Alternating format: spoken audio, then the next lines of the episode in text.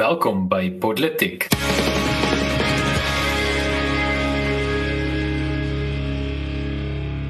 Reg, goeiemôre. My naam is Erns van Sail en saam in die ateljee is Paul Marits en in vandag se episode EFF verloor weer kragbote steeds gekeer.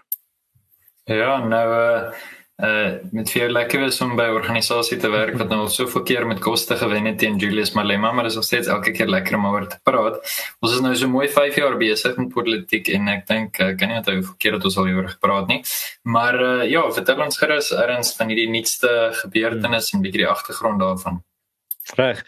So die Hooggeregshof van Appel het vandag 'n derde aansoek om verlof tot appel uh vir verlof tot appel deur Julius Malema aan die EFF teen 'n interdik wat Afriforum in 2017 verkry het van die hand gewys. Die interdik het Malema en die EFF verbied om mense aan te hits om privaat eiendom te betree en dit onwettig te okkupeer.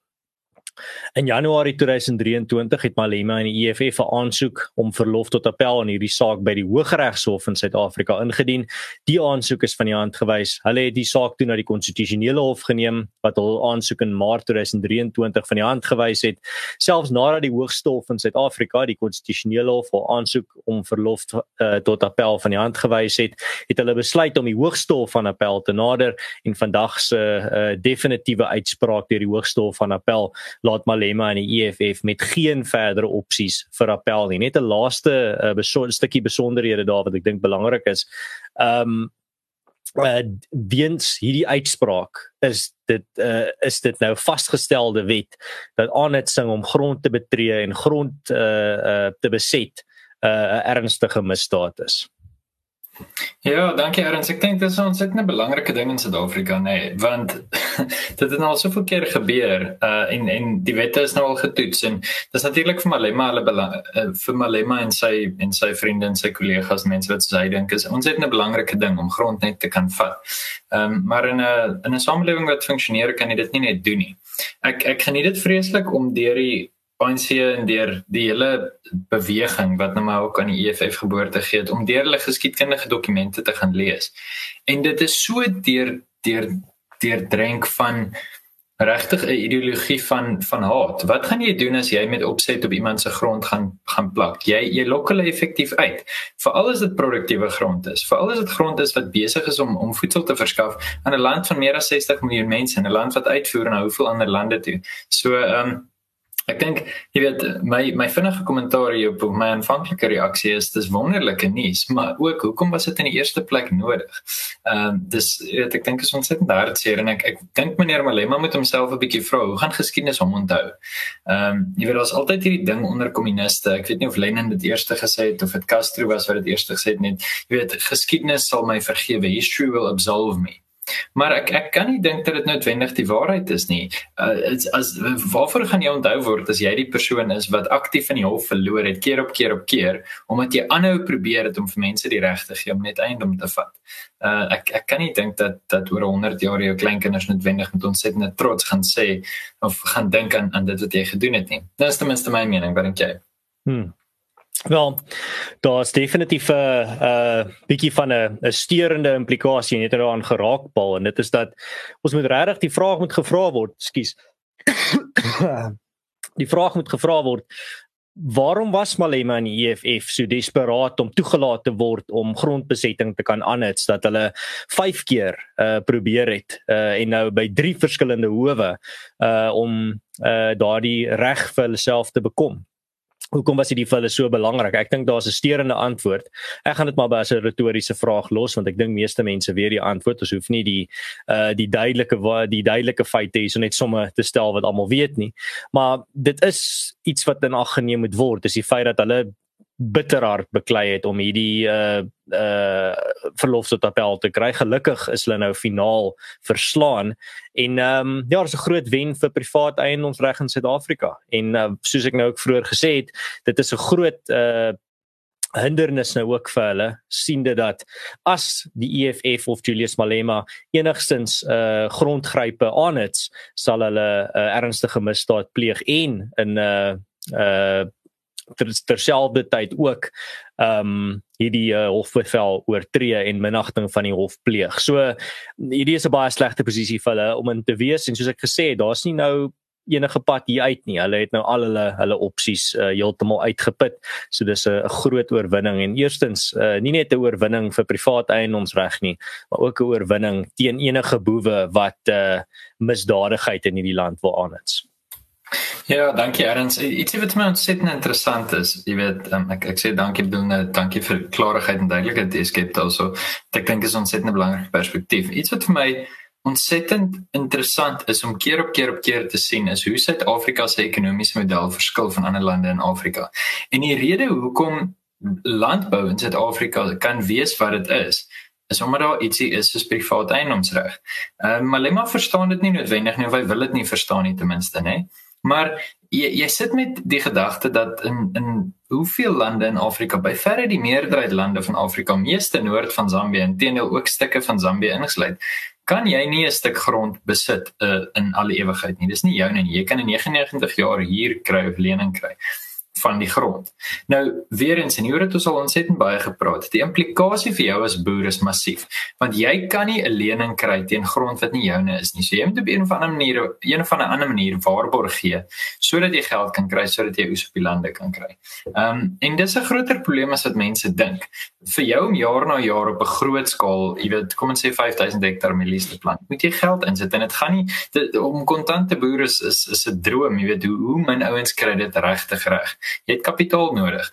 Ehm um, en en Malema hou aan om te sê, jy weet ons moet eiendom onteien, ons moet dit in die hande van die staat sit en hy hy gryp terug na die 1955 ehm um, Freedom Charter toe wat sê die die grond sal in almal se besit wees. Maar die realiteit is dit gaan in die hande van 'n paar elites wees wat hulle self die regering noem as Malema se model reg gekry word. En dis maar net eenvoudig nie hoe 'n funksionele samelewing so groot soos Suid-Afrika wat so afhanklik van landbou is ooit kan werk nie. En ek sal argumenteer dat as jy in Afrika regte groei wil sien in ander Afrika lande, dan moet jy nader beweeg aan wat ons in Suid-Afrika het.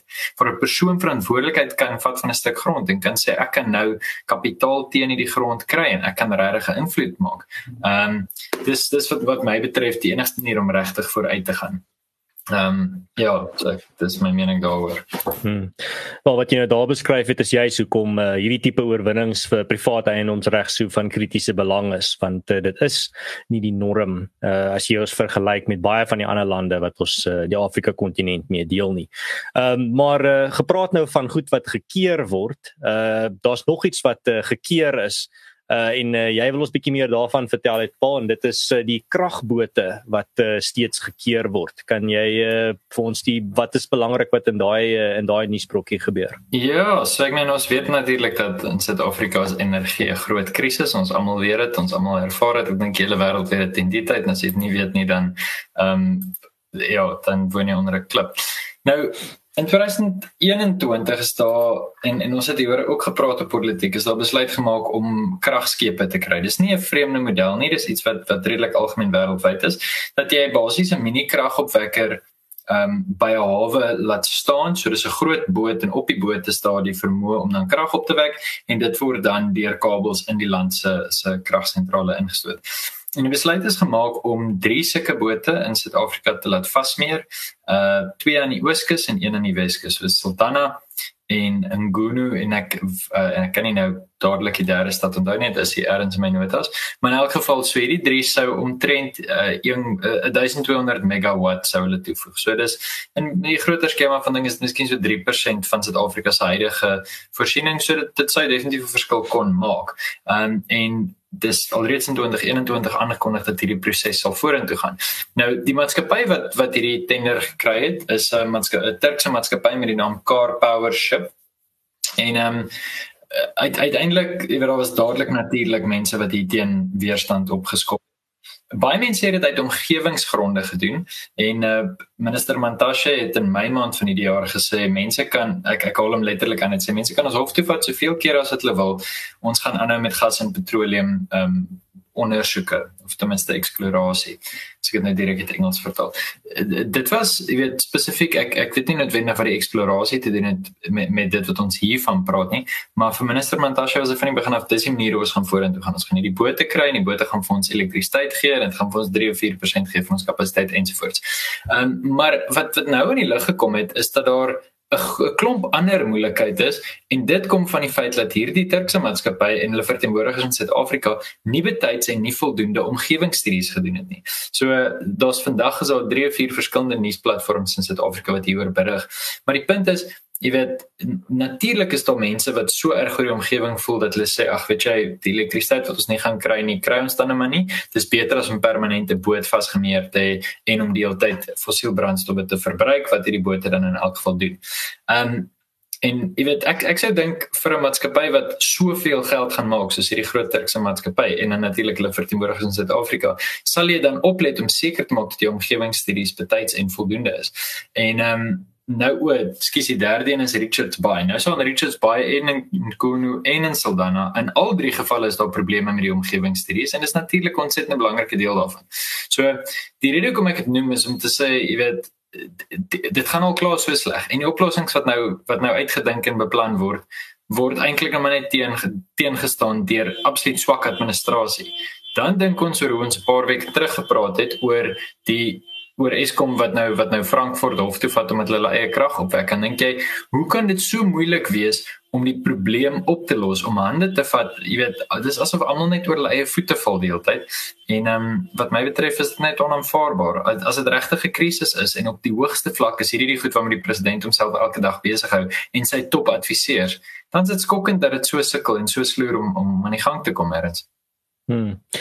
Wel ja, die groot ding wat vir my bekommer het oor hierdie hele affære met die kragskepe is die feit dat dit uh, as ek reg onthou 'n 20 jaar kontrak was wat ons teken. So dit ehm um, sover ek ja, verstaan. Ja, dit dis 'n 20 jaar. Kyk die aanvanklik se 5 jaar kontrak gee en dis hierdie maatskappy dit maak nie vir hulle sin nie finansiëel. So so is 'n 20 jaar kontrak wat ja. wat nou vasgemaak word, ja. Ja, maar wat beteken dat ehm um, uh indien die uh, kragkrisis sou kom ons sê maar net vir uh, argument sal wat die kragkrisis sou opgelos word binne 5 jaar, gaan jy nog steeds vir 15 jaar uh hierdie rekening betaal vir iets wat jy nie regtig meer nodig het nie. So dit was vir my vreemd. Ek verstaan heeltemal hoekom die um uh car power uh uh maatskappy dit sou sou uh, op aandring daarop maar terselfdertyd dit is dis vir my nogal 'n ekstreme ding om jouself aan vas te bind. Uh 20 jaar kontrak is 'n nare ding maar terselfdertyd ek dink ja, ek weet ek kan mens kan maar net spekuleer waar uh, hierdie uh, nalatigheid vandaan kom. Ek weet nie of uh, hierdie maatskappy gedink het die ANC regering uh, se reputasie is dat dit so korrup is dat hulle gaan net sommer kan wegkom sonder uh, hierdie uh, omgewingsstudies nie. Ek weet nie wat se indruk het die maatskappy onder was nie, maar dit duidelik uh, die die uh, situasie heeltemal te glad nie ernstig genoeg opgeneem nie. En uh, nou sit hulle met eier op hulle gesig. Nou sit hulle met uh, rooi wange en hulle gaan nie hulle hulle 20 jaar kontrak kontrak kry nie en soos ek dit verstaan was alles in plek. Hulle sou die die kontrak moes net geteken geword het en nou lyk dit my het hulle oor hulle eie veters geval.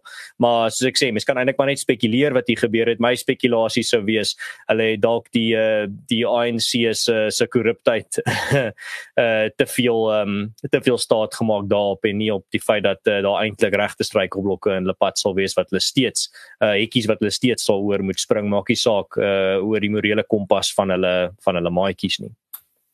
Ja, ehm um, Jan Oberholzer van Eskom sê self hy dink 'n 20 jaar kontrak is te lank.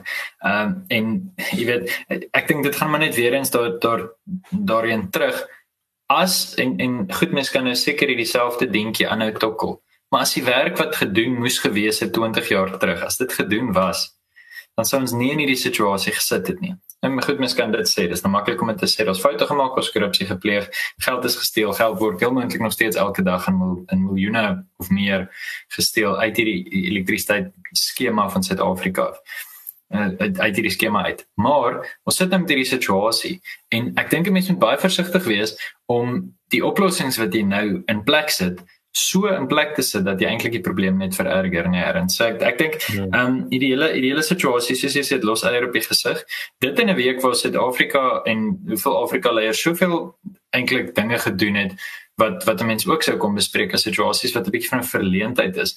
Ek meen ons as ons nou mis mis stories uitsoek om hierdie week te bespreek, is daar soveel ander goeters met die internasionale besoek van Afrika leiers natuurlik daar daarbey Ek dink uh, dis dalk 'n bietjie vroeg om kommentaar te lewer op wat presies daai situasie is en ek dink ons weet uh, as politieke luisteraars weet ook dat ehm um, dat daai situasie is 'n situasie wat meer meer vriende as vriende maak. Maar dit dit alles vat my net saam tot hierdie situasie, jy weet hoe as jy regtig droog maak of as jy regtig 'n fout maak, nee, dis 'n normale ding. Ons almal weet enigiemand se werk wat 'n student is, selfs 'n skoolier, jy weet nou dan maak jy fout. Ehm um, maar as jy aanhou en aanhou en aanhou en aanhou foute maak, dan kom jy op 'n punt waar dit agterloosig is, waar dit voorkom jy gee net nie regtig om nie. Ehm um, en dis ongelukkig die houding wat ek kry. Jy weet, goed, ons het nou ons het nou die skepe nou en ek ek kan myself nie laat oortuig dat iemand nie vir hulle gesê het hoor hierdie is die dokument wat jy nodig het nie. Ons kan nou natuurlik sê luister hierdie maatskappy het nie hulle werk gedoen nie, maar wat jy eers ding moet jy doen as jy so 'n maatskappy is, jy stel iemand plaaslik aan en jy bou goeie verhouding met die ministers. As hulle nie betyds vir jou gaan sê hoor hierdie dokument moet in nie, dan gaan jy nog nie weet nie. Ehm um, so 'n klomp dinge om dop te hou en ek dink dis 'n storie wat homself nog uh, met ter tyd sal sal ontvou. Nou, Erns ek men, was dit nou was dit nou 'n klomp swaar temas gepraat nie net nou nie maar nie in die afgelope hmm. tyd iets wat ons wat ons ruk vroeër gedoen het uh, waarop ons nogals op 'n stadium gelet was om so 'n bietjie 'n blinkkant bo te gee en ons het dit so 'n bietjie afgeskeep vir 'n ruk. Daar's eintlik 'n klomp goeie nuus hierdie week. 'n uh, Stuk goeie nuus wat ek raak gesien het is natuurlik die amptelike aankondiging dat daar 'n nuwe Paul Creer standbeeld uh, opgerig gaan word, 'n presiese replika van die een wat um, wat tans op Kerkplein in Pretoria staan en hierdie presiese replika gaan in Orania op die plein geplaas word. Nou, hmm. dis 'n dis 'n storie wat wat al eintlik ek weet al 'n rukkie daarvan. Uh, ek ek het uh, so 2 jaar terug toe ek gehoor dis daar's dalk so iets in die pipeline en ek dink mense wat uh, wat dalk van tyd tot tyd Orania besoek sou dit ook al gehoor het. Um, maar dis goeie nuus dat dit dat dit amptelik uh, weet bekend gemaak is en dat dat die planne deurgevoer gaan word. Ek self is baie opgewonde daaroor, maar ehm um, dit is nie noodwendig die dis ook nie die enigste goeie nuus nie. Daar's ook ander goeie nuus. Dis waarop ons 'n bietjie wil ingaan. En dit is dat dokter Andre Hatting besig is om 'n reis te onderneem deur Suid-Afrika. Wil jy vir ons 'n bietjie meer vertel daarvan? Hmm. Ja, ons het ongelukkig ja, afgelope tyd nie 'n spesifieke blinkkant bo segment gehad nie. Al was daar baie blinkkante bo. Ehm um, so vandag sinne of hierdie week sin is dat uh, eh, Dr. Andre Hatting het byna net by die huis aangekom na sy landbye motorfietsrit vir liefdadigheid en die tasse staan steeds gereed vir sy volgende ry uh, reis tog deur Suid-Afrika. Die keer ry hy op 'n trekker. Die uh, on-track tour lief liefdadigheidsrit skop op 2 Julie vanjaar in Witrifuur af en sal oor 2500 km in 5 provinsies strek uh, op sy Mahindra trekker wat hy as heel gemaklik vir 'n trekker beskryf, pak Hatting verskeie kwessies aan. En een van daai kwessies hierdie jaar is plaasmoorde. So sy oogpunt is om met hierdie uh, 'n toer van hom om dit nie net 'n geldinsamelingstoer te maak nie, maar ook 'n uh, bewusmakingstoer. En dis dis mooi om te sien dat daar is uh, individue soos uh, uh, Dr. Andre daar buite wat help om om aandag te bring aan aan die groot krisis uh, op ons platteland en dit is die krisis van plaasmoorde en dit is dis my mooi om te sien want dit kom in die konteks van 'n maand Junie waar ons ag plaasmoorde in 8 dae gehad het uh, tussen net tussen toe ons van Mei na Junie toe beweeg het. Dink die 8 dae tussen 27 Mei en 4 Junie het ons ag plaasmoorde in 8 dae gehad. Uh, twee van daai plaasmoorde was 'n uh, uh, egpaar van 73 jaar ehm um, wat uh, verbrand is op hulle plaas in Limpopo. So dis baie belangrik om om bewustheid te bring veral wanneer ons in 'n land leef wie se president op internasionale platforms gaan en sê daar's geen moord van boere of wit boere in Suid-Afrika nie en nog glad nie uh daardie standpunt teruggetrek het of e eers jammer gesê het vir dit nie. So ek dit is dis lekker om te sien dat daar's mense daar buite wat net soos organisasies soos AfriForum uh en die solidariteit beweging weet die die saak van uh om teen plaasmode op te staan en uh nie net 'n uh, bewusmaking te doen maar ook geld in te samel om iets daaraan te doen. Um dat ons dat ons baie bondgenote in hierdie stryd het. Ja, erns ek ek moet sê dat daar's 'n paar goeie deur my kop gaan. Ek dink die eerste een is hierdie storie het het my laat dink toe ek dit gelees het vroeër vandag het my laat dink dat daar soveel faktore rondom 'n plaasmoord is en soveel trauma wat mense nie noodwendig besef nie. Ehm um, daai arme dokter wat op hierdie toneel moet afkom of in in wie se teater hierdie hierdie mense beland wat verbrand is, jy weet. Ehm um, ons dink nooit ek ek dink altyd jy weet eers aan die aan die die boer self en die familie en die gemeenskap en die werkers wat jy beskryf nie meer werk het nie en daai trauma. Maar mens besef nie hoe ver gaan dit nie. Jy weet jy sit in prokureurs wat nou 'n boedel moet moet beredder en dit vat hulle 'n paar jaar om deur hierdie trauma te werk saam met die familie. Jy sit met dokters wat letterlik jy weet mense soos dokter Andre. Ehm um, en ek dink ek ek hou van hoe hy dit hoe hy dit benader. Hy sê luister, dit is nie 'n politieke kwessie nie. Die wêreld moet net weet wat aangaan en en dit is so mooi hy sê ons moet 'n naam bysit by die slagoffers.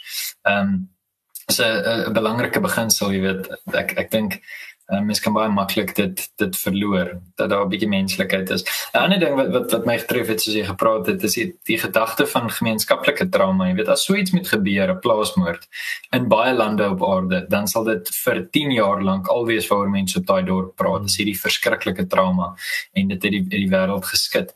Ehm um, en in Suid-Afrika gebeur maar net en dit gebeur maar net en oor daar was nou nog 'n plaasmoord en is nie eers altyd meer voorblad nuus nie en dit daar's baie ehm um, media huise wat ek dink maar die president se selfde ideologie deel en nie regtig daaroor wil berig nie.